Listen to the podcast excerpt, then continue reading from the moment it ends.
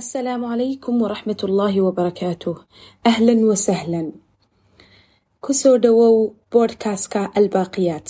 Magacaygu waa amaal cabdilaahi waxaan in yar maanta fikradeedii ka siin doonaa boodhkastka albaaqiyaat iyo waxyaabaha uu ka hadli doono.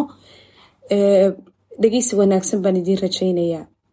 Nolosha aadamuhu waa mid u dhaxaysa baahi iyo badhaadhe cudur iyo caafimaad leelleel iyo ladnaan kulan iyo kala tag liibaanuhuse waa qofka markasta magansada ilaahay.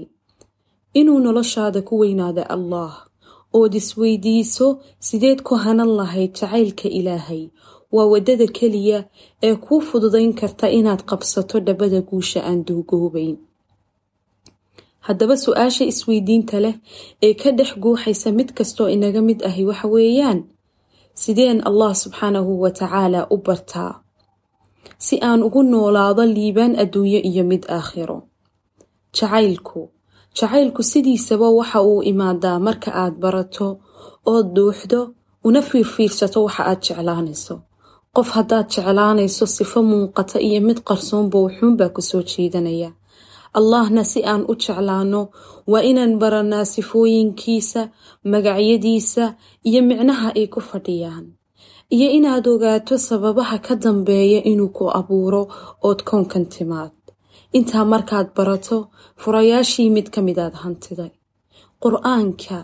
Qur'aanku waa nuxurka iyo dhumucda uu ilaahay subxaanahu wa tacaala u hibeeyey xabiibkeenii moxamed sala allahu calayhi wasalam kuna soo ururiyey micnaha nolosha kaasoo inoo fududaynaya barashada ilaahay kaasina waa furayaasha ugu xeesha dheer ee fududeeya inuu addoonku allah subxaanahu wa tacaala jeclaado.